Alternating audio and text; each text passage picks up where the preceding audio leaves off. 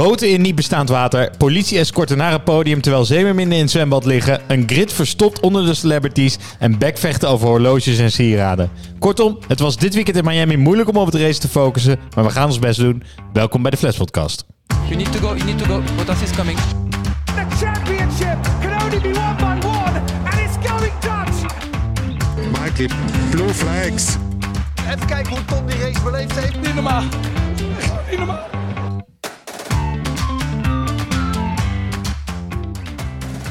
Hallo allemaal en welkom bij de zesde aflevering alweer van de Flats Podcast in dit tweede seizoen, waarin de meest amateuristische experts van Nederland hierbij praten over de zin en vooral ook de onzin van de afgelopen Grand Prix, de Grand Prix van Miami. Ik ben Bram, jullie host. Ik zit hier met mijn vaste mede-presentatrice Pien. Hallo, Pien. hoi. En in het kader van trouwe luisteraars die dit seizoen af en toe aansluiten, Rogier. Welkom. Hallo. Dankjewel. Rogier, vertel eens, ben jij een fan uit het Jos-tijdperk of ben jij een fan uit het Max-tijdperk? Ehm, ja, het eerlijke antwoord is dat ik een fan ben eigenlijk sinds Max de Toro Rosso is ingestapt. Oh, toen al wel. Toen al wel. Ja, nee, dat, dat wel al. Dat is het veilige antwoord, hè? Dat is het Veilig veilige antwoord. Precies. Nee, maar kijk, daarvoor keek het niet echt. Het heeft meer te maken ja, dat er geen Nederlander in zat. En dus, ja, sport... Kijk, ehm Pien kent mij een beetje van vroeger. Maar ik ga heel ver terug. En om eerlijk te zijn, ik ben niet een hele emotionele jongen. Ik heb een beetje. Maar als het de sport aankomt, dan kan ik janken tot ik wanneer val bijna.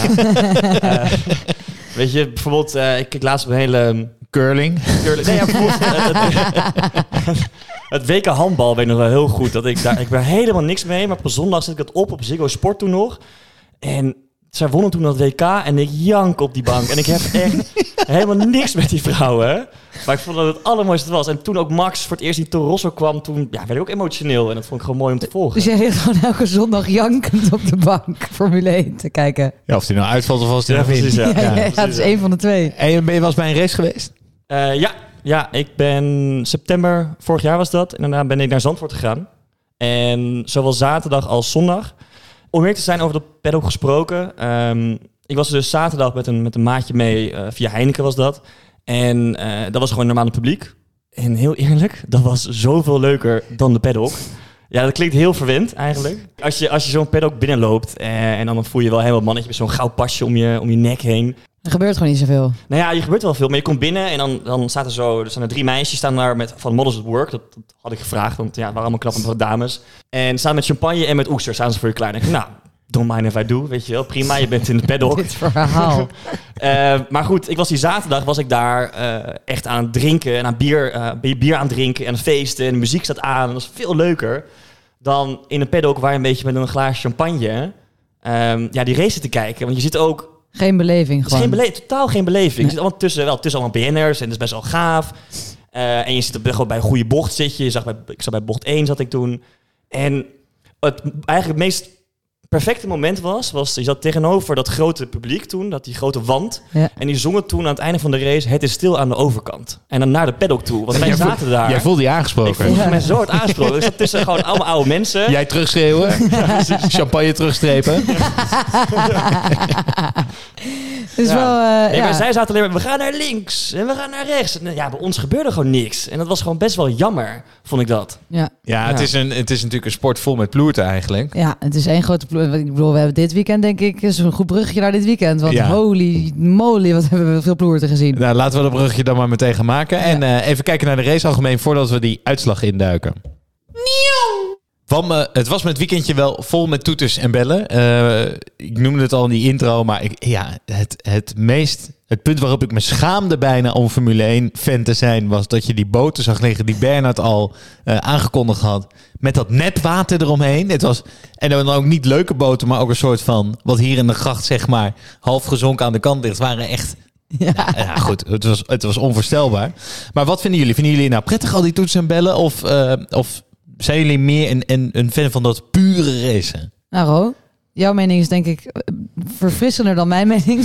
dus laten we bij jou beginnen. Ja, ik vond het wel mooi, moet ik zeggen. Eh, het helpt ook wel een beetje. Kijk, dat nieuwe publiek in Amerika, dat moet ook een beetje ja, geprikkeld worden.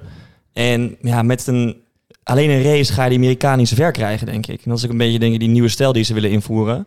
Ja, ik vind het dus heerlijk.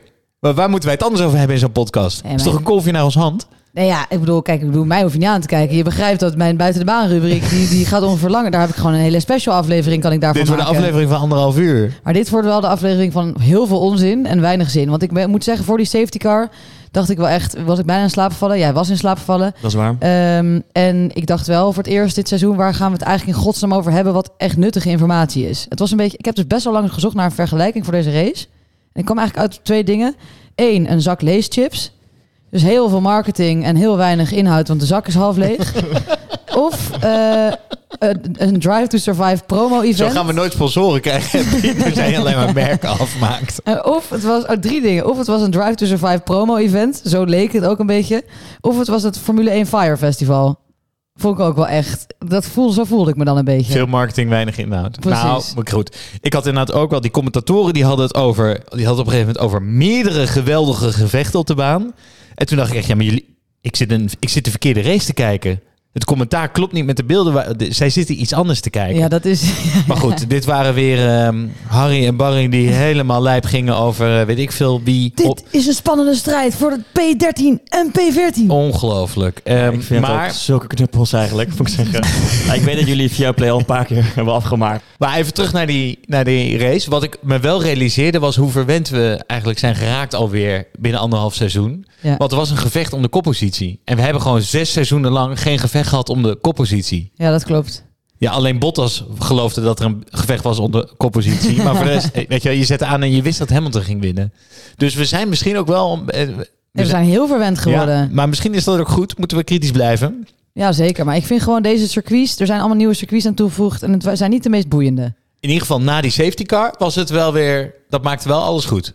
Ja, nee. Toch? Dat, ja, joh. Dat was wel een necessary evil. Was en mag dat, ik dan hoor. wel even... En daar kan Viaplay niet zoveel aan doen. Maar de regie was toch onwijs slecht? Ja, Ja, ja, ja. Zo. Ik heb alleen maar naar Max zitten kijken die toch wel ging winnen. En de, je, je zag die namen, soort van, die, de, de visual kon het ook niet meer bijhouden wie aan het wisselen was met wie. En ik denk, nou joh, kom aan.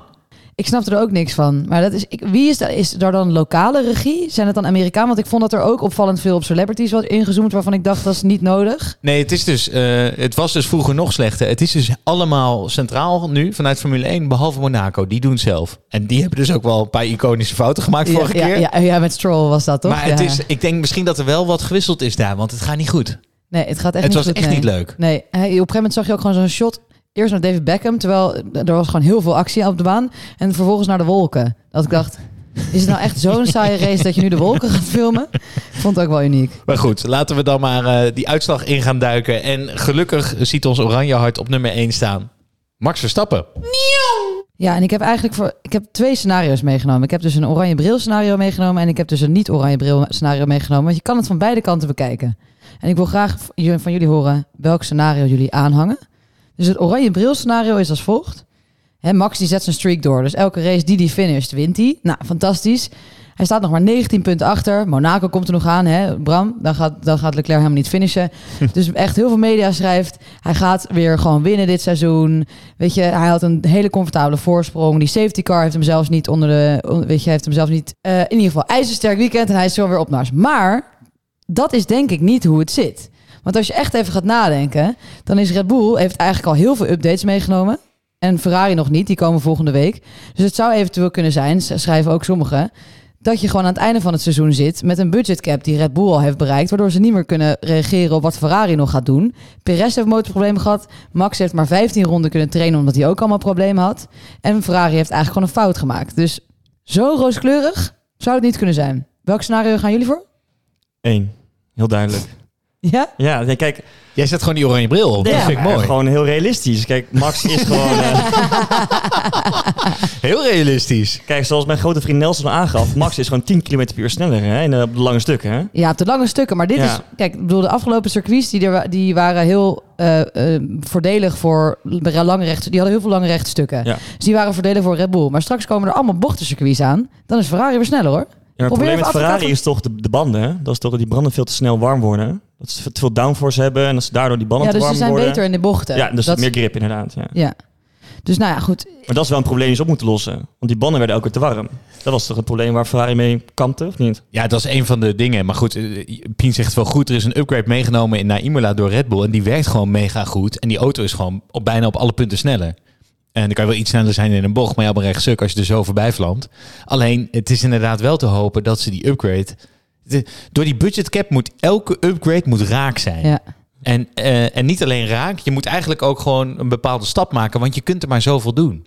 En omdat ze hem vrij vroeg hebben, is er dus inderdaad wel het risico dat ze niet een enorme stap gemaakt hebben, maar een beetje. En dan gaat Ferrari volgende race een hele grote stap maken. Ja, dus het is gewoon heel interessant, want die budgetcap die maakt gewoon dingen best wel veel moeilijker. Dus wat we volgens mij in de vorige uitzending niet eens hebben gedaan, waar ik nu niet heel erg op inga, maar is dat Mercedes heeft gewoon een richting genomen met hun design en ze kunnen dus niet meer terug vanwege de budgetcap. Mercedes zit helemaal verkeerd. Nee, precies, maar dus die, dat is gewoon een extra moeilijkheidsfactor die dus meespeelt dit seizoen. Dus dat gaat denk ik echt nog wel een rol spelen. Ja, dus je upgrades moet je goed en slim inzetten. En ehm, ja, ik denk de betrouwbaarheidsproblemen. Ja, het, het, het speelt nu op op de vrijdag. Voor hetzelfde geld als zondag. Ja. En het speelt op bij Perez. Voor hetzelfde geld als Max. Ik ben het helemaal met je eens. Het is, een- het is nog steeds... eh, het wankelt nog wel een beetje hoor. met de billenknijper. Wat dat betreft was het een heel spannende race, denk ik, voor een Red Bull engineer. Precies. Ja, Ja, maar Ferrari is dat al bekend om het gewoon te verpesten uiteindelijk. Ja, dat klopt. maar dat ja, we hebben dit Dus jaar een Ferrari. upgrade aan, maar je denkt nu dat het een Red Bull upgrade is. En dat is maar- grappig dat je het zegt, maar ze hebben het dus verpest. Ja, die, die pitstop. eh, Ze, hadden, ze hebben dus wel echt een grote strategische fout gemaakt, vind ik. Eh, door bij die laatste safety car hadden zij gewoon kunnen stoppen voor nieuwe banden. Max kon niet meer, want Max Ja. was net de pitstraat voorbij. Zij hadden allebei nieuwe banden kunnen halen. En dan was Max gewoon derde geweest. Maar welke banden was er over dan? Dat is een hele goede vraag. Die, ze hadden dus geen banden meer over. Dus daarom hebben ze het niet gedaan. Maar dat vind ik dus ook een strategische fout. Ja, tuurlijk, want je moet het hele weekend moet je inplannen welke Ja. banden je gaat gebruiken. Zeker op een circuit waarvan zelfs Melroy aan zag komen dat er een safety car zou komen. nou, dus dan weet je zeker dat iedereen het weet. Dan zorg je toch dat je een setje banden achter de hand houdt. Maar hadden ze, geen, ze hadden gewoon geen softs meer over. Nee, en ook geen mediums meer. Hè? Nee, ook ah. niet gebruikte, maar dat maakt toch niet uit voor de laatste tien Nou, rondes? er waren nog twaalf. Ze durfden hem niet aan met gebruikt. Nee. Waarom doen ze die met eentje dan? Gewoon proberen het met, met Sainz en niet met Leclerc. Dan zie je wel wat er gebeurt, toch? Nee, ze hadden dus voor allebei hadden ze ze niet meer. Ja, oké, maar dan gebruik je een gebruikt Ja, of een harde band die dus- nog over is. Ja, maar ze hebben dus niet zo'n duidelijke t- eh, tweede rijder als Red Bull. Kijk, Red Bull die oppert gewoon altijd Perez op. Ja, het boeit ze helemaal niks. Maar bij Ferrari zijn ze denk ik ja, nog niet zo ver. Nou, Nou, oké, ja, Sainz is wel echt duidelijk tweede. Nee, Ja, ik denk dat het gewoon weer een strategische mispeer is. Te Ja. laat, ja. Ja, het is een foutje hoor. En het zou ze duur kunnen komen staan. Maar ik ben dus ook met je eens, Pien. Wat mij betreft is dit nog lang niet gereden, dit kampioenschap. Maar wacht, Nee. Perez komt er ook niet Sainz voorbij met het nieuw setje banden. Ja, maar die had motorproblemen. Die had motorproblemen, ook al wilde die engineer daar helemaal niet aan toegeven. Wat ik echt vrij grappig vond. Oh, ik dacht dat het opgelost was, maar goed. Nee, nee, nee, nee, dat niet. Maar Max die was wel comfortabel. Ik heb nog een boordradiootje meegenomen. Kunnen we even mee afsluiten en dan kunnen we door naar het volgende punt. You feeling? Um, I think I need a drink, mate. Good man. I think you also need a drink. Yeah, Max, don't, uh, don't underestimate what, what you've just done there, actually. Without the mileage on Friday. Incredible to, uh, to learn all of that so quickly. Well done. Nou, leuk bericht om mee af te sluiten, toch? Hebben we toch nog even wat oranje bril. Eh, en daarmee springen we door in de, in de uitslagenlijst naar... eh, hoeveel is die eigenlijk? Oh ja, vijfde is die geworden. George Russell. Wil toch maar weer even erbij halen. Ook omdat ik gewoon weer even wil lachen om Mercedes, eerlijk gezegd. Maar goed, eh, George Russell die, wordt, die werd Mr. Saturday genoemd. Omdat hij zo goed kon kwalificeren en daarna nooit echt goed kon racen. Eh, zijn nieuwe bijnaam op internet is Mr. Consistency omdat hij gewoon structureel in top 5 eindigt. Het leek er eerst niet op. Hij kwalificeerde zich dramatisch als twaalfde. Toen dacht iedereen van nou, het is eindelijk een keer klaar. Ehm, maar het werd wederom een eh, gevecht. Hij reed naar voren. Hij heeft zelfs met Hamilton heeft hij, eh, gestreden. Hij durfde het aan. Ondanks dat hij zich in een heel kruiperige, nederige rol had gemanoeuvreerd eerder. Durfde hij hem toch in te halen. Eh, en hij heeft ook zijn eigen strategie vormgegeven. Hij heeft zelf gezegd, we gaan wachten op een safety car. Terwijl je 300 km per uur langs een muur rijdt in Miami. Dus ja, alle credits. En vond ik ook wel grappig, hij was wederom in gevecht met Valtteri Bottas. Maar wat is daar gebeurd? Dus hè, regie heeft dit gewoon totaal gemist. Maar Bottas, die zat dus even weer vast in die Mercedes sandwich. Ja, we gaan het zo weer over Russell hebben. Maar ik wil toch eventjes voor jou, van jou wat duidelijkheid hebben hierover. Ja, ik heb het toevallig net een interviewtje gezien vlak voor eh, we live gingen, zeg maar. Eh, hij zat veel in zijn spiegel te kijken. Dus hij zag twee Mercedes in zijn spiegel. En hij werd er heel onzeker van en onrustig. En toen heeft hij net eventjes zijn bocht gemist. Nee, En- dit meen je niet. Is Ja. dat echt zo? Maar hij, hij Hij heeft gewoon trauma's. toch? Klein beetje touché met de muur. Ja, ook, ja, ja. Maar hij heeft dus gewoon zoveel trauma's aan Mercedes en Ja? Toto. Hij hoorde waarschijnlijk in zijn oor al... Valtteri, it's James. Ja, hij moet Hamilton voorbij laten. Hij is inderdaad helemaal geconditioneerd om Hamilton voorbij te laten. Ja. Dat, dat was het. ik zat namelijk al te kijken toen Bottas dacht ik... oh nee, dit is Toto, sowieso een of andere teamorde weer verknipt. Maar anyway, dus terug naar Russell. Wat was je vraag ook weer? Nee, ik had helemaal geen vraag. Ehm, wat opvallend is, vind ik een breder in Mercedes perspectief. Zij hebben dus heel veel updates naar deze race meegenomen. En die werken dus totaal niet. Nee. Maar en wat vind, eh, wat vind je dan nou dan bijvoorbeeld hè, Hamilton die ging dan klagen over zijn strategie? Vind je dat dan terecht? Dus hij heeft natuurlijk gezegd tegen zijn strategen... eh, eh, de strategie was niet mild voor me vandaag. Terwijl Russell eigenlijk zijn eigen strategie heeft gevormd. Heb je daar een mening over? Nou ja, volgens mij werd Hamilton eh, door de engineer gevraagd wat zijn strategie moest worden, toch? Van gaan we naar binnen of niet? Er is ook zo'n boordradio over. Ja. Dat de engineer zo vraagt van moeten we naar binnen of niet? Zegt, Em- zegt Hamilton, ja jongens, niet mijn probleem. Jullie moeten dat weten. ja, dat is waar. En, En dan toch- Russell zegt ja. gewoon, ik wil naar buiten blijven. Het is Ja. eigenlijk wel iets stoerder, vind ik dat van Russell dan van Hamilton. Ja, Russell is natuurlijk gewend dat hij met die gasten van Williams moet samenwerken. En dat hij alles zelf moet doen. Ja. Die, die had in principe ook weer zijn eigen auto uit elkaar na het weekend op terug te sturen. Soort van move. Ja. Eh, wat ik wel zat te denken is... En jij zei dat vorige aflevering, Alpine, hoe sneu het is voor Russell. Stel je voor dat die Mercedes er gewoon vooraan hadden gereden. Dan was dit epic geweest natuurlijk. Hoe hij Hamilton aan de kant zet. En hoe die hem nu weer inhaalt. En hoe die hem helemaal zoek rijdt eigenlijk. Zowel in kwalificatie als in de race. En nu verdwijnt dat een beetje onder het geweld van Ferrari en Red Bull. Maar het is echt wel heel bijzonder wat hij doet. Ja, het is niet normaal. En het is ja, P12 hè, naar P6. En Hamilton die is, heeft geen, bijna geen plek, heeft hij eh, gewonnen of verloren. Nou, die kon ook niet heel veel verder naar voren. Misschien omdat die auto gewoon niet goed genoeg was.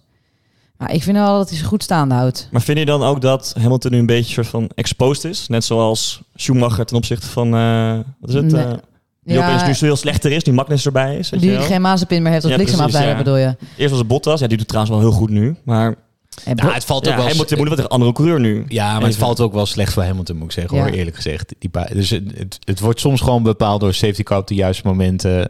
Banden wel of niet, in wel of niet in de DRS-trein zitten. Dus het valt niet helemaal zijn... Hij, heeft niet, hij kan nog steeds wel goed een auto rijden natuurlijk. Hij is niet voor niks zevenvoudig wereldkampioen. Ja, dat is waar. Nee, ik denk echt niet dat hij exposed heeft. Ook gewoon inderdaad wel echt pech. Maar het is wel, ja, ik vind het dus des te knapper van Ru- Russell. Dat hij gewoon zich zo goed Ja. staande weet te Ja. houden.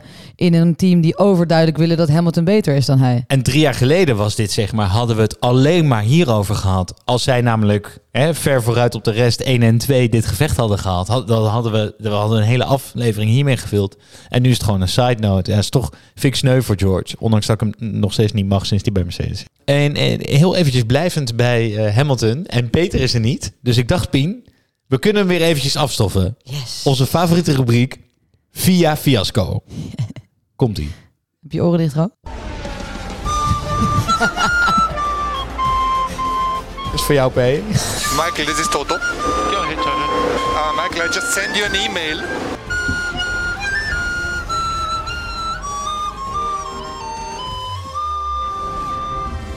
Ja, de rubriek Via Fiasco, waarin we een beslissing van de Via net zo irritant vinden als deze jingle. En ik dacht eigenlijk dat we hem niet meer nodig hadden met de nieuwe wedstrijdleiding. Want ze- gasten zijn waanzinnig bezig. Maar wat hebben ze nu gedaan? Ze hebben een soort van battle op zich genomen die ik totaal niet begrijp. Dus ze hebben een, een regel uit de kast getrokken. Ja, die, die was er altijd wel dat coureurs geen sieraden mogen dragen. Ehm, en, maar die wordt eigenlijk nooit nageleefd, opgevolgd. Hè, Er wordt gewoon gedoogd dat mensen dat niet hebben. En zij hebben bedacht, daar gaan we dit jaar extreem streng op zijn. Om wat voor reden dan ook. Eh, inclusief ook dat je dus niet horloges, eh, piercings die op plekken zitten... waar je ze moeilijk weg kan halen. Blijkbaar heeft Hamilton daar er twee van. Kun je ook nog even over speculeren. Ja, ja, inderdaad. Je mag ook niet meer je eigen ondergoed dragen, want dat moet brandwerend zijn. En eh, dat vond ik, ja, ik vond het wel heel opmerkelijk dat ze daar dan hun battle van maken. En toen zag ik twee crashes dit weekend van Sainz en van Ocon. Die met relatief lage snelheid in een betonnen muur klappen. Echt zo ongenadig hard. 51G kreeg Ocon op zijn neus. En dan denk ik, nou, dat is een, een extreem onveilig punt op de baan. Waar mensen met lage snelheid enorme G-krachten pakken als ze crashen. Maar dan ga je hier je battle van maken. Echt, want die coureurs hebben het aangegeven hè, tijdens de vrije training dat er een paar bochten zijn die gewoon anders moeten. Ze, en ze hebben gewoon niet geluisterd naar die coureurs. Omdat ze de piercings van Hamilton aan het tellen waren. Ja, ja, maar dat is toch bizar.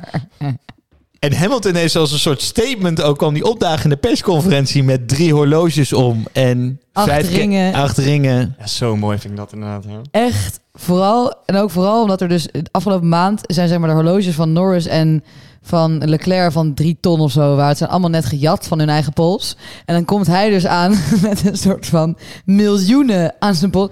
Ik vind het een heel grappig statement. En Vettel trouwens, die liep met een onderbroek over zijn overal door de pitstraat. Ja, dat was een van mijn lievelingsmomenten van het hele weekend. Ja, dus die moeten we ook even posten Gewoon- op de Instagram. Hij mocht dus niet zijn onderbroek onder zijn kleding, dus dan maar over zijn kleding heen. Puma, die brand directs van Puma, die zullen ook vast wel blij zijn met deze actie.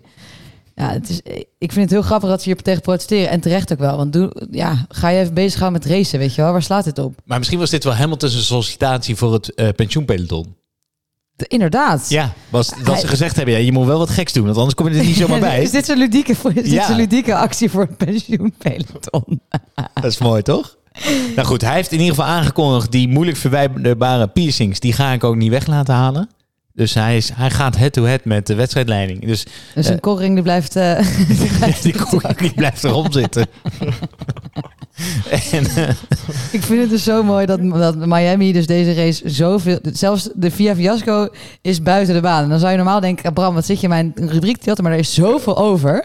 I know, I know. Ja, sorry. Dus ik wil dit toch eventjes benoemen. Laten we snel weer verder gaan met wat er op de baan gebeurde. Ehm, en laten we doorgaan naar inderdaad iemand, het derde lid van het pensioenpeloton. Fernando Alonso. Ja, want Fernando Alonso die wil eigenlijk nog niet echt accepteren dat hij bij het pensioenpeloton zit. Eh, want die is nog brandend gemotiveerd om door te gaan. Dus die heeft natuurlijk aan het begin van het seizoen aangekondigd... nou ja, of iemand heeft het voor hem aangekondigd, daar twist hij zelf nog over. El Plan. Dat betekent dat hij grote plannen heeft voor Alpine. Ze gaan races winnen en daarom is hij teruggekomen in de Formule 1. Nou, kleine update hoe het gaat met El Plan. Niet zo goed. Want wat is er nou gebeurd? De beste man is drie keer al niet gefinished. Eh, de, twee keer of drie keer. Oh, rectificatie voel ik aankomen. Ik heb het even niet zo scherp.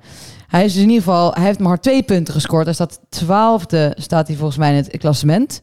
Eh, en terwijl zijn Ocon, die staat negende of zo. Die staat echt veel hoger. Dus dan zou je denken, het gaat slecht. Hang het aan de wilgen, ga met pensioen. Maar de beste man heeft wel echt heel veel pech gehad.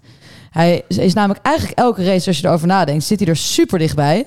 Hij heeft vorige race heeft hij bijna eh, pole position gepakt eh, toen hij op het laatste moment crashte. Eh, nu is hij weer de lul geweest eigenlijk door andere externe factoren. Dus zijn motivatie zal het niet liggen. Maar er is heel veel pech geweest voor El Plan. Behalve deze wedstrijd, want toen heeft hij gewoon wel twee penalties gepakt met allebei vijf seconden. Waardoor hij dus weer buiten de punt is geëindigd. Is El Plan, is dat van hem of is dat van het team? Nou, dat is dus een beetje de vraag. Ehm, ik kom zo meteen bij eh, het bordrijden van Ocon. Maar hij weet dus zelf niet. Hij zegt zelf, het is een beetje een mythisch iets. Ik begrijp ook niet helemaal wat het betekent. Maar misschien is dat onderdeel van El Plan. Maar hij vindt het in ieder geval heel mooi dat het viral gaat op, ehm, op social Dat is media. een beetje treurig eigenlijk. Maar goed, Zo'n plan hebt en dan dat niet lukt. Ja, ja, precies. Het is mooi als dat viral gaat. Nou, ze, ze hebben inderdaad ook heel erg van de toren geblazen dat, eh, dat ze enorm op dit seizoen gingen inzetten. Maar is dat niet een beetje ook dat, dat team eigen? hè? Dat Renault, wat hiervoor was door Renault, Ja. Toch? Toen was ook Ricciardo overgehaald met wij gaan het nieuwe team worden. Dat is een beetje die Fransen die dan eh, een beetje ja, Hoog van de toren hoog van blazen, de toren blazen. Doen ze nu weer dan. Ja, terwijl het is echt een beetje, ik ben net zo triest eigenlijk. Maar goed, een van de weinige dingen die we wel heel mooi vonden aan Alpine, eh, is natuurlijk dat teamwerk tussen eh, Ocon en tussen Alonso. En dat ze elkaar heel erg helpen, weet je wel. Alonso heeft ervoor gezorgd dat Ocon een wedstrijd heeft gewonnen. We kennen allemaal de uitspraak nog, defend like a lion. Nou, dat ging hem niet helemaal lekker af deze wedstrijd. Dus dit is een borrel van Ocon. So Albon, car behind, we need to hold them up. We need a five second gap to Fernando. He's got a penalty. Back the cars behind up. No, I can't do that. Do it now, please. Do it now. Back the car.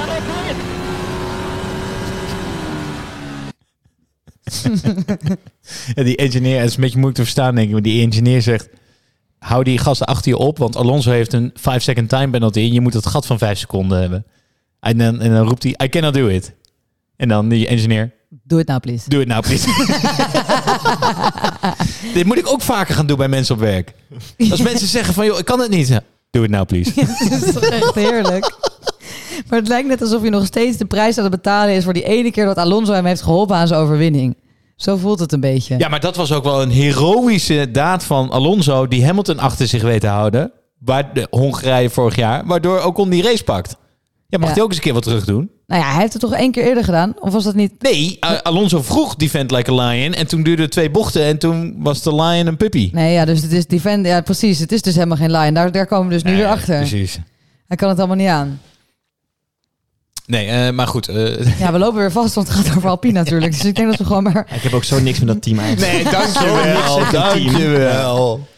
A, Franse, B, ja, is altijd middenmotors, weet je wel. Ja. Toen alleen die Franse eigenaar er was, dat vond ik wel mooi. Een Dat was zo- Cyril Dat was zo'n knuppel, weet je. Ja, dat vond ik wel leuk om naar te kijken. Ja, dat heb je nu ook niet meer, nee. Nee. Het is nu veel praatjes, weinig Ja, daden precies, ja. en ook niks meer. Een verwarrende nieuwe eh Ja, Alonso, India. Alonso is natuurlijk wel cult, maar Ja, dat vind ik wel. Ja. hij- hij reed wel echt over de top deze race. Ja, hij heeft gewoon twee keer een vijf seconden eh, tijdstraf gepakt ook. Door dingen die hij fout heeft gedaan. Dus ja, het is niet echt onverdiend dat hij buiten de punten is gevallen. Hij heeft dus wel gezegd, leuke fun fact, kunnen we na afsluiten. Hij heeft in die driver parade, die dus heel lang duurde, hè, waarin ze langs het publiek rijden in zo'n praalwagen, heeft hij bocht 1 kunnen checken, omdat ze daar heel lang stil stonden. En toen heeft hij in bocht 1 gezien dat je daar goed de buitenkant kon pakken. En daarom dat hij zo'n waanzinnige start kon maken. Oh ja? Want hij wist, ik heb daar grip en ik ga hem buitenom. eh, en toen heeft ja, hij heeft er waanzinnig veel eh, ingehaald. Ja, ik vind het wel... Ja, Hamilton bijna eraf getikt. Eigenlijk een man naar mijn hart. ja Leuk. maar nou hard. Leuke man, verkeerde team. we, gaan, eh, we zijn halverwege de aflevering. Dat betekent dat we bij de lekenvraag van de week zijn. Uh, Michael, I just send you an email um, with the diagrams where the car should be. Did you receive that? Uh, yeah, then you should maybe look at this because there is something with the rules coming up.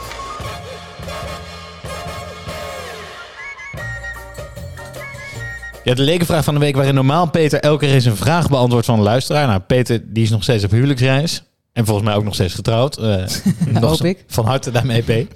Ehm, maar die is dus even niet. En eh, ja, weet je, we gaan gewoon even iets nieuws doen. Rogier, heb jij een vraag voor ons die we zouden kunnen beantwoorden?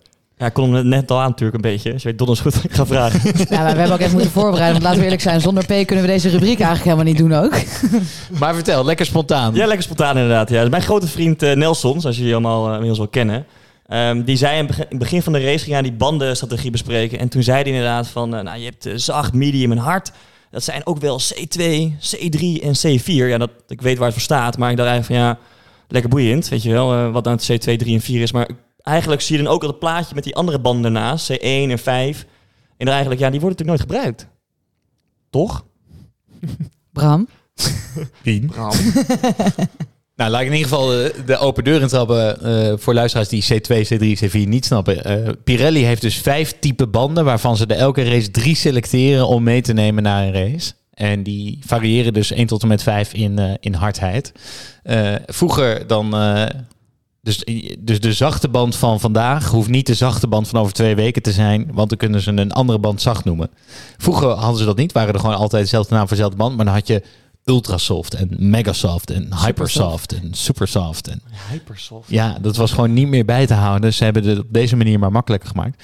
Eh, maar klopt, ze, Pirelli neemt vaak die middelste mee. En volgens mij is dat gewoon risico eh, damage control. Want neem je een te harde band mee, dan hoeft een team nooit te wisselen.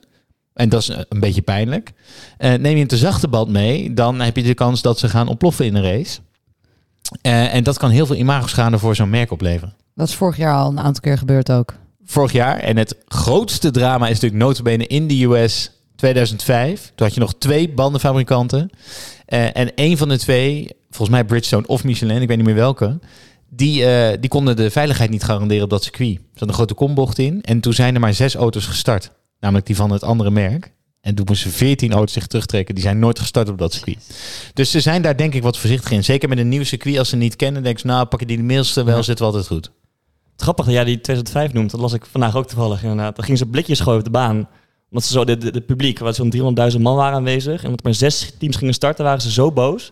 Ze blikjes op de baan. En Ja. sindsdien was Amerika niet echt fan van Formule Klopt, 1. dat is echt een, een bijna de doodsteek Ja. geweest van Formule 1 in Amerika. En daar hebben ze dus een jaartje of 10, 15 over gedaan om dat weer terug te krijgen. En hadden ze Netflix voor nodig. En nu hebben ze Willy T. Ribs om, eh, om dit goed te maken. Nou, we gaan snel richting die buiten de baan werken. Maar niet voordat we zijn gestopt bij Yuki Tsunoda. Eh, wel, ik weet dus eigenlijk niet eens waar die finisht. Oh ja, hij wordt twaalfde uiteindelijk. Eh, maar ik, ik, de- deze race, denk, ik ga Yuki's in de gaten houden. Ik ben benieuwd hoe het met hem gaat. Want ik hoor zo weinig over hem. Is met een grote bang binnengekomen bij Alfa Tauri. Jap, eerste Japanse coureur sinds tijden. Vorig seizoen, dus dit is zijn tweede seizoen. Dikke maten met Ga- Gasly. Dus iedereen had een bromance verwacht tussen Ricciardo en Norris. Die kwam er niet. En opeens was hij er tussen Gasly en, en Tsunoda. Superleuk. Hij, eh, hij zat nog wel scheldend in die auto. Ook superleuk. Weet je wel, gebeurt er nog eens wat? Ja. Maar nu, het is eigenlijk heel kleurloos. Ik heb zijn resultaten er eens bijgepakt. Want hij, hij kwalificeerde nu als negende. Ik denk, nou leuk, misschien gaat er wat gebeuren. Is dit dan zijn moment? Maar hij valt terug op die mediumband. Hij wisselt naar hard. Hij, hij blijft stijf onderin rijden. En eigenlijk door tijdstraffen van anderen wordt hij dan nog twaalfde. Hij is nog wel achtste geworden in eh Bahrein. Eh, hij is een keertje uitgevallen, 15e in Melbourne. Imola dan wel weer redelijk goed. Maar weet je, het, het, het gaat niet lekker. Dat hele team is ook wat weggezakt. Ze staan nu met z'n tweeën twaalfde en dertiende, zevende in de constructeurstand. waar ze vorig jaar echt een battle hadden om plek 5 tot met de laatste race. Dus allemaal niet zo lekker. Ook niet met Yuki. En toen zat ik even te denken, ga ik even terug naar de zomer. Want we hadden natuurlijk Albon hadden we op de bank zitten reservecoureur van Red Bull. En mensen, die moest even een stoeltje moest die vinden. Die is nu bij Williams gaan rijden. Maar hadden ze die nou niet gewoon bij Alfa Tauri moeten zetten? En, en Yuki toch maar even na één seizoen de deur moeten wijzen. En, want Albon rijdt de sterren van de hemel en heeft nu weer twee punten binnengetrokken in een, in een auto die langzamer is dan dat de Toyota Prius van Peter was.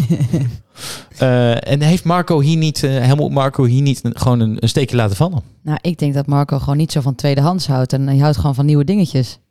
En daarom heeft hij voor Yuki Tsunoda gekozen natuurlijk. Hij had al een tweedehandsje in het team. Maar was Yuki niet ook gewoon voor het geld? Japanse markt, nieuwe sponsors? Nou ja, ik denk dat het ook een moedje was van Honda, ja. Ja, en ik Ja, geloof dat zijn ja. salaris is toch ook bizar laag. Dus wat dat betreft Precies. ook weinig Ja, kosten. verdient echt iets van 4k per jaar of zo, weet je wel. Gewoon echt helemaal niks. Maar ja, dat klopt. Ja, ik denk dat het een moedje was voor, voor Honda, toch? Ja, maar die zijn ondertussen qua merk zijn die eruit. Dus ik weet niet of zijn tweede seizoen ook een moedje was. Ja, trouwens, en Albon heeft ook banden met Red Bull. Dus in dat opzicht met die Thaise achtergrond. Nou ja, ik denk ook wel dat hij misschien... Ja, zeker. Albon is echt wel goed. Albon is mega. Sinds En, hij nieuwe haar heeft, maar toch? ik vind het niet heel Gezien? raar. Ja, De ja. rode kop van hem? ja, hij moet Mooi, zijn haar verven. Hè? Dat brengt Ja, nu geluk. ja. Ja, ja, want dat was toch zo. Hij had dus eerst zijn haar geverfd. Toen was hij in de punten geëindigd. Toen was het weer weggezakt. Toen was hij buiten. En nu had hij weer zijn haar opnieuw rood geverfd. En nu heeft hij weer in de punten. Ja, en Wel nu gaat het hele team, volgens mij heel Williams, gaat nu zijn haar verven. Dat vind ik wel echt heel grappig. Alle drie de medewerkers. Ja, ja, precies. goed. maar, Hey, ik, maar- maar ik vind het niet raar dat hij dit geprobeerd heeft, hoor. eh Helmut Marco. Want oké, hij Albon is weggezakt. Zijn zelfvertrouwen was weg. En ja, misschien heeft hij weer zo'n nieuw iemand ontdekt. Want Yuki, die was in de... Hij is zo snel doorgegroeid, hè, Yuki Tsunoda. Die wil gewoon een risico nemen, net als bij Max. Misschien heeft hij dan weer een talent heeft hij ontdekt... die hij heel snel kan laten groeien. Dus ik, ik snap zijn keuze. Alleen als het volgend seizoen weer niet goed gaat... dan zou ik er misschien eens over na- nadenken... om gewoon die switch weer te maken. Maar ik vind het niet raar dat hij het heeft geprobeerd. Anders, er zijn alleen maar oude koeien daar bij Red Bull. Dit was de enige nieuwe optie die hij had. Dat is waar, maar hij verdient het dan... eh, goed, laten we dan hopen dat hij het gaat verdienen. Want ik vind het wel le- leuk om hem erin te hebben. Ja, nee, zeker. Hij moet echt blijven. Ja. Maar als hij Gasly een beetje kan ja, aanhaken, doet hij toch best aardig, vind Nee. ik. Want Gasly heeft het altijd echt goed gedaan bij Alfa Tauri. Ja, maar hij is wel echt een stuk slechter aan Ja, het dit doen seizoen, dan Gasly. maar ja, misschien ligt het dus echt een stuk slechter. Ja, ja. ik eh, moet nu zeggen dat ik nu heel even niet die resultaten heb, maar het is een beetje moeilijk. Kijk, Gasly is nu ook weer eh, die aanvaring met Norris. Dus dan Ja. is het weer moeilijk vergelijken. ja. Maar goed, we moeten hem dus even in de gaten gaan houden. Daar komt het op neer. En dan als het aan het einde van het seizoen is, dan kunnen we weer lekker eventjes conclusies gaan maken. Dat dus Helmut Marko misschien weer even moet gaan switchen. Oké, nou ik denk eh, volgende race, misschien moeten we alvast die conclusie doen. Ja, precies. Daar zijn we ook wel goed in. Voorbarig conclusies trekken. Niet voor niks, een podcast. Oké, we zijn er eindelijk, Bien. Get ready. De rubriek Buiten de baan. Can you stay out on this condition? Can you stay out?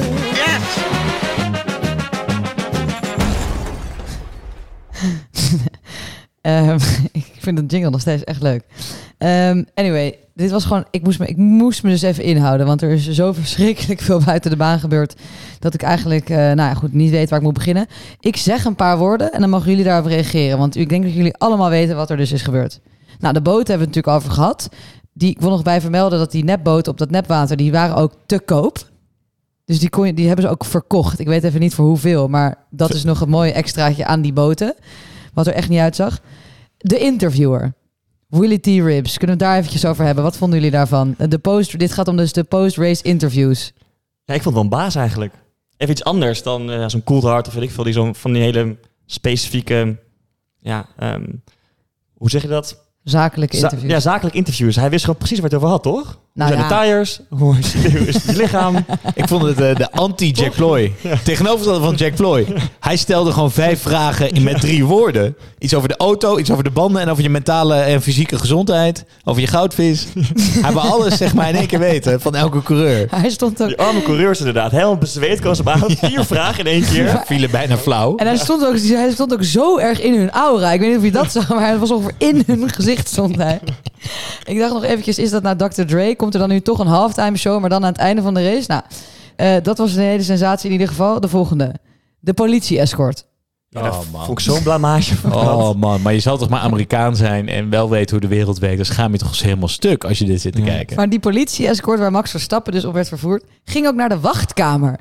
Hij werd helemaal niet bij het podium gedropt. Dus wat in god... En dan zag je dus die Ferrari-gasten, zag je dus ook ze al zitten. Dus die waren daar gewoon heen gewandeld, want dat was waarschijnlijk veel sneller. En kon Max Verstappen komt dus En die moest ook door de kelder van een of ander stadion moest hij daarheen rijden. Dat was ook helemaal geen vette route of zo. Nee, want er De was ook helemaal geen publiek. Nee, de enige die aan de kant moest springen was Gary Halliwell. Ja, ja, ja, die was inderdaad.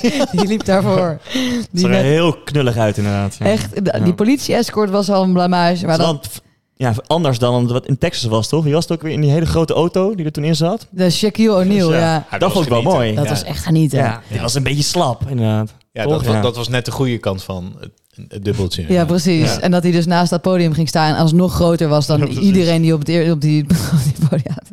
Nou, dat.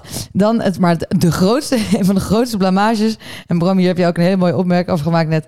Die helmen. Die godvergeten American football. American voetbalhelmen die iedereen opkreeg als ze het podium opgingen. Het is toch onvoorstelbaar. Ja. Maar dat is alsof je de Champions League wint en dan als team op de foto gaat met een tennisracket.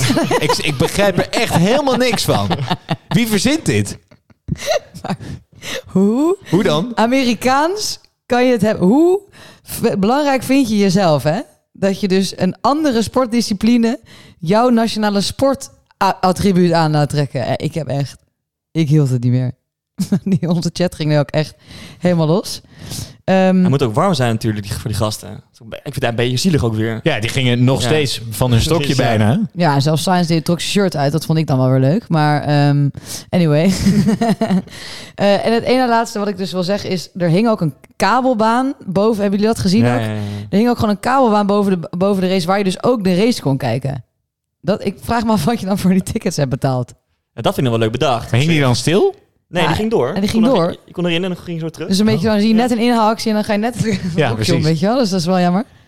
Ja, dat vind ik wel leuk op zich. Bijvoorbeeld in Zandvoort, dan zit je op één plek en dan zie je alleen die ene bocht. En dan dit kan je nog een beetje het hele circuit zien, hoe dat gaat. Ja, dat is wel waar. Vind ik nog iets leuks hebben. Van het enige normale dan aan het hele... Ja, het Volgend jaar op Zandvoort. Volgend jaar op Zandvoort ook kabelbaan. dus. Kabelbaantje. Nou goed, en eh, eigenlijk de, de rest heb jij al get- getackled in jouw eh, Via Fiasco. Er is vast wel meer, maar ik heb het gewoon allemaal eigenlijk niet eens meer bijgehouden. Laatste vraag, wie was jullie favoriete celebrity? Die jullie gezien hebben? ja, David Beckham. David Beckham natuurlijk. Ja, dat hoeft het ook maar hij was ook de hebben. enige gentleman, vond ik ook. Want Ja. ehm, toen die, dat meisje via Play, hoe heet ze ook weer? Solan, Solana? Dan Nou, moet niet niet nog vragen. Eh, die ging iedereen af, weet je, al die celebrities. Iedereen zo, will I, will I am, die zei maar wat, weet je wel. En David Beckham, die zat een vraag, doet gelijk zijn zonnebril af en die geeft antwoord. Dat vind ik wel netjes, dat hij gewoon zijn zonnebril afdoet om antwoord te geven voor zo'n meisje. In plaats van al die celebrities met hele rare zonnebrillen op en die gewoon niet antwoord geven eigenlijk. Ja, ik denk wel gewoon een mooie Brit en echt een gentleman die dat doet. Precies. Ja, ja, ja, dat is waar. Ja, er, was, er stond wel een rijtje sportlegendes hoor. Michael Jordan, David Beckham, Lewis Hamilton en eh, wie was die vierde ook alweer? Ja, dat is volgens mij... Is eh, die foto bedoel je? Ja, Ja. die foto. Toen dacht ik, oh, dit is wel een stukje sportgeweld. Dat Ja, hier is veel sportgeschiedenis in één foto. Was Ja. volgens mij een, eh, een voetbalspeler. Ja, dat zou wel kunnen. Tom. Brady zat er ook bij. Oh? Tom Ja, Brady. precies. Oh ja, dit Ja. bedoel ik. Ja. Ja. Nou, die foto moeten we ook even posten. Ja, en dat ga ik zeker doen. En heel veel memes. Dus dat komt goed. Dat was mijn buitenbaan. Top. En eh, je mag hem meteen verder pakken. Want eh, we eindigen de, deze race met een terugblik op eh, de jonge Schumacher. Ja, ik wilde dit eigenlijk dus op de Netflix manier aanpakken. Want Netflix gaat hier sowieso één hele aflevering over maken. Namelijk dat de leerling de leermeester heeft aangevallen. Ehm, want En wie is wie? Even voor de... Sorry, de leerling Schumacher, die eindelijk de mentor in de vorm van Sebastian Vettel heeft gekregen, die zijn vader opvolgt als jonge leraar en hem door alles heen heeft geloodst, door alle tegenslagen. En wat gebeurde er nou? Mede door zijn mentor Vettel was hij eindelijk zijn opmars aan het maken naar zijn eerste punten in de Formule 1, terwijl er al zoveel tegenslagen waren. En wat doet hij? Wat doet hij? Hij rijdt op zijn mentor in. Nou, dat kan toch niet? Maar ook wel een manier. Het is echt gewoon echt, een, fout. fout. Dat, ja. Het is echt... Hij rijdt vol op hem in. Ja, ik heb echt, ik heb zoveel verschillende theorieën hierover. Dat de lessen niet goed zijn gegaan. of dat hij toch dacht dat dit altijd al in zijn complot zat. Dat hij toch Vettel moest destroyen van zijn vader. Weet je wel, je weet het niet. Ik weet is- niet wat Netflix is- ervan gaat maken. Wat Het is de verhaallijn van Star Wars. ja. oprecht. Darth Vader die Obi-Wan neersteekt. Nou ja, goed, het wordt nu heel nerderig, maar ja, dat is het. Het is wel echt zo. Ja. Wat denken jullie dat Netflix hiervan gaat maken? Drie afleveringen minimaal. Netflix heeft nu al aangekondigd dat ze twee seizoenen doorgaan. Ik ben nog steeds door de Netflix-serie van vorig seizoen heen aan het worstelen. Nee, ik heb dat wel op een gegeven moment gedaan. Maar dat was niet met me van harte, nee. Nee, het, is echt, het doet echt pijn af en toe. Maar moet je, ik heb dus een boordradio meegenomen van Vettel. Die dus eh, na het race wordt geïnterviewd eh, over dit incident. Yeah, I'm disappointed for Mick and myself. Obviously, the two of us lost a good opportunity to score points today, so that's bitter. I don't, I don't know. I did not expect him. I need to have a look again. Uh, when I saw him, it was it was obviously too late, so we made contact. Have you spoken to him yet? Have you No. seen him yet? I'm looking for him. Sorry. I'm looking for him. That's why I'm I checking know, this. I know. Dus hoe Oeh. interpreteren jullie dit? Interpreteren jullie dit als ik ben de meester en ik moet mijn leerling even een pak rammel geven? Of interpreteren jullie dit als ik wil eventjes met hem praten vanuit een lieve, een lieve vaderrol? Sowieso de tweede. hè? Dat zei hij toch ook toen hij geraakt werd van wie was dat? En toen zag je dat het Mick was. Die, Oh, het is Mick. Hij toen. Een soort van, dan is het oké, weet je wel. Hij zegt ook aan het begin, Ja. eh, we- het is voor ons allebei heel jammer. Ja, dat ja, je er gewoon afgekegeld bent, vriend. Ja. Niet normaal, maar ze hebben er geen straf voor gekregen. Hè? Dus Schumacher ook niet. Vond ik ook best verrassend eigenlijk. Maar hoeveel geld moet hij krijgen voor het mentorschap van deze jongen? Dat is echt, hij moet hier toch wel voor betaald krijgen. Nee, maar Vettel doet het niet voor het geld. Nee. Hoe vaak moet ik dat nou nog zeggen? Ja, dat is wel waar. Die heeft gewoon zijn hart helemaal op de goede plek. En die heeft zijn hart bij Schumacher liggen in ieder geval. Dat is één ding wat zeker is. Ja. Maar goed, ehm, Nou, het is wel oprecht natuurlijk een beetje... Het emotionele eraan is dat Vettel wel onder de hoede is genomen van Michael Schumacher. nee, dat maakt het dus zo mooi natuurlijk. En die kan het nu natuurlijk niet doen voor zijn eigen zoon. Dus dat hij dat een soort van daarom in die plek stapt. Nee, ja, dat is dus het hele Netflix-waardige, prachtige verhaal Ja, dat natuurlijk. moet je dan wel vertellen. Ja, dat klopt. Ja, zoals je weet ben ik niet zo goed in intro's. Dus eh, eh, wie de volgende, volgende aflevering van mijn introductie wil schrijven, die, eh, meer dan welkom in de DM te sliden. Ja, en wie ook in onze DM geslide is, is eh Dichter Luc met zijn column over de afgelopen race.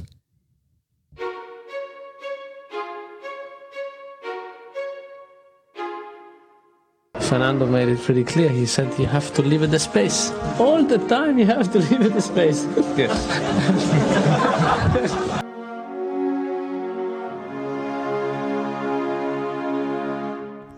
Welcome to. Welkom bij. eh, ja, wat is het eigenlijk? Een droge haven, een kabelbaan, een strand. Waar de F zijn we beland? In de natte American Dream. Een nieuw circuit met sirenes en gedoe.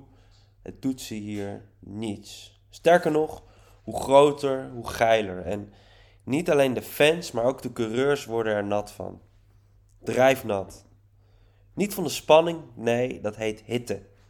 En we mogen van geluk spreken dat we dankzij het verzoek van Russell het orakel het afgelopen weekend op de baan op het laatst toch nog werden getrakteerd op wat wiel-to-wiel spektakel. In het voordeel van Max, nu in het nadeel van ons. Nat van de spanning op het eind, maar gelukkig kunnen we hier in Nederland wel wat extra vocht gebruiken, want we weten allemaal, een natte mei geeft boter in de wei. Bedankt Max. Wij gaan wel even vooruitkijken naar welke race er dan aankomt. Want dat is namelijk de Grand Prix van Barcelona. Barcelona. En dan is de grote vraag, wat kunnen we onze luisteraars meegeven over de Grand Prix van Barcelona als we die gaan kijken? En dit bereidt nooit iemand voor. Behalve P. Dus, Rogier, en we kijken een beetje naar jou. Nou, is top. Ik vond het wel heel fijn dat jullie blind vertrouwen in mij hebben. Gewoon hierbij zonder voorbereiden hier ingezet te hebben. Je hebt allerlei van die papiertjes voor je neus, weet je wel. Ik zit hier gewoon. Van je stomme vragen te stellen aan jullie. Maar goed, nee, ik heb het wel voorbereid inderdaad. Eh, Barcelona, toch? Ja. Nou, precies. Nee, Imola. Eh, Imo- dat is echt een vrienden, jij, hè? Dankjewel. Ehm nee, ik denk, want inderdaad, Ferrari komt met een nieuwe update. Ehm, ik denk dat het helemaal niks gaat worden. Ze hebben nog steeds die probleem met die banden die ze, niet, die ze te, snel, die te snel opwarmt. En ik weet, Barcelona is ook redelijk bochtig, volgens mij. Ja, ik, ik, klinkt, Dus dat is- klinkt iemand ja, dus dat Ja? is fijn. Ja. Dat is fijn. Ja, ga door. Dus ze krijgen nog steeds het gezeik met die banden. En ik denk dat Red Bull gewoon er zwaar overheen gaat. Ik, denk, dat het echt geen probleem wordt. Dat is meteen een voorspelling Het kampioenschap van Max wordt echt geen probleem. Ja, vind je dat? Oh, dat vind ik een, Ja. vind ik een gewaagde voorspelling, vind ik dat. Want, want bochtige circuits is juist dus in die downforce Ja, setting van klopt. Ferrari moet hebben dat wel downforce, kloppen. Dus meer grip inderdaad, maar die banden worden te snel warm. Ja, ik vind het, ik vind het een eh, gewaagde voorspelling. Ik durf dat nog niet te zeggen. Wat weten we nog meer over Barcelona? Ligt in Spanje. Ehm, Max de eerste, Max eerste overwinning was het ook Ja. nee, dat zeker. Bij Red Bull. Ja. Maar het is toch wel... Want ik weet nog wel, vorig Überhaupt. seizoen hebben wij... überhaupt. Ja. Vor- vorig seizoen hebben we wel gezegd tegen elkaar... dat Barcelona het eerste, de eerste krachtmeting is van het seizoen. Is dat dan dit jaar ook zo? Omdat ze natuurlijk daar hebben getest. Die baan is heel erg bekend. Dus dat is eigenlijk een van de banen... waar dus die auto's echt goed moeten zouden gaan werken. Ja, dus dat we gaan hetzelfde zeggen als vorig jaar. Barcelona is het meest representatief van alle circuits. Omdat het een hele mooie combinatie is van eh, eh, kleine bochten of eh langzame bochten, snelle bochten. En omdat de temperatuur altijd behoorlijk gemiddeld is. En daarom dat ze er ook graag testen. Dus het is een representatief circuit. En iedereen heeft daar tot in een treurig getest, ook met deze auto. Dus het zou de meest representatieve verhouding weer moeten geven in het veld. Ja, en ik vind dat dus echt best spannend. Omdat dus de circuits die hier zijn geweest... zijn niet per se representatief voor de rest van de kalender. Dus dat gaat nog wel een Red Bull Ferrari spanningsdingetje worden, denk ik. Ja, terwijl ik wel denk dat de race, en die is vaak wel wat saaier, moet ik eerlijk zeggen. Het is ook moeilijker inhalen. En, en er gebeuren dus weinig gekke dingen ook in, in, die, in die vrije trainingen, omdat ze het circuit al zo goed kennen. Ja, dat klopt. Maar het is wel... eh, Ik weet nog wel dat vorig jaar vonden we het wel... Was het ook de Barcelona race leuk, hè? Dus je weet nooit, je weet nooit wat gaat gebeuren. Vorig jaar was eh, die hele pijnlijke waarin Hamilton een tweestopper maakte en Max vooraan reed. Ja. En dat hij toen een sitting duck werd voor een jagende Hamilton. En hem uiteindelijk ook Ja. verloor aan hem. Ja. Heel spannend was dat. Ja. En als we het toch over vooruitblikken hebben, nu is het toch mijn rubriek, hè, dit stukje. Ehm, heb je niet heel veel zin in Las Vegas nu, als je dit zo gezien hebt? Trouwens, ja, inderdaad. Hebben we nog helemaal niet over Wordt gehad. prachtigs, wordt dat toch? Oh ja, inderdaad. Dat is een buiten de baan die ik helemaal vergeten ben. Maar dat wordt... Hoe kan... Maar zeg maar, dan vraag je je af hoe dit al... Hoe het meer kan zijn dan dit. Maar Las Vegas wordt nog tien keer zo Over de strip, hè, gaan ze heen. Dus volgend jaar wordt voor het eerst, of niet voor het eerst, maar volgend jaar wordt Las Vegas als eh, Grand Prix weer toegevoegd aan de kalender. Ja. Ze hebben 240 miljoen dollar, volgens mij, of 350, een van die twee, betaald voor een kavel in Las Vegas om daar de paddock van te maken. Om eventjes in bedragen te spreken. Echt bizar. Mooi. We zijn, we zijn echt nog lang niet weg in, in Amerika, want tot 2032 zitten we ook in Miami. Weet je hoe lang dat is? Maar blijft het op die parkeerplaats? Dat denk ik wel, ja. Gaan ze niet een keer de stad in of zo? Nee, dus blijft daar wel daar. En je hebt Austin ook nog, dus nee, zeker. Drie stuks. ja Las Vegas, wanneer? Dat is 2023, 2024. Las Vegas. Volgend jaar. Volgend jaar. Ja. Dat wordt wel echt genieten, joh. 2023. Ehm, nou, dat wilden we allemaal meegeven voor de Grand Prix van Barcelona. we gaan hem ook weer afsluiten. Eh, even kijken. Want we zijn aan het... We gaan... maar, sorry, het duurde lang voordat jij dit door had. Dat is echt niet normaal. Ik moet zoveel dingen tegelijk doen als ik, host, Pien. Zo oneerlijk van je. Die acht knoppen bedoel je Ja, inderdaad. oké. Ja. Oké, oké, oké. Ja? Onzin, ik? hè? Het mag Ja? allemaal. Oké. En daarmee zijn we aan het einde van deze aflevering. Heel veel dank voor het luisteren. Volg ons op Instagram via Flashpodcast F1. Daar gaan we ook een paar foto's achterlaten die we deze uitzending beloofd hebben. Ja, en een paar vragen aan jullie stellen die jullie graag moeten beantwoorden. Ja, dus doe dat vooral. En laat vooral ook een review achter voor deze podcast in jouw favoriete podcast app. Daar zijn we blij mee. En we zien jullie heel graag over twee weken. En Rogier, trouwens, jij ook hartstikke Ja, bedankt. bedankt. Ik vond het mega gezellig. Ik Dankjewel. ook. Mooi. Oké.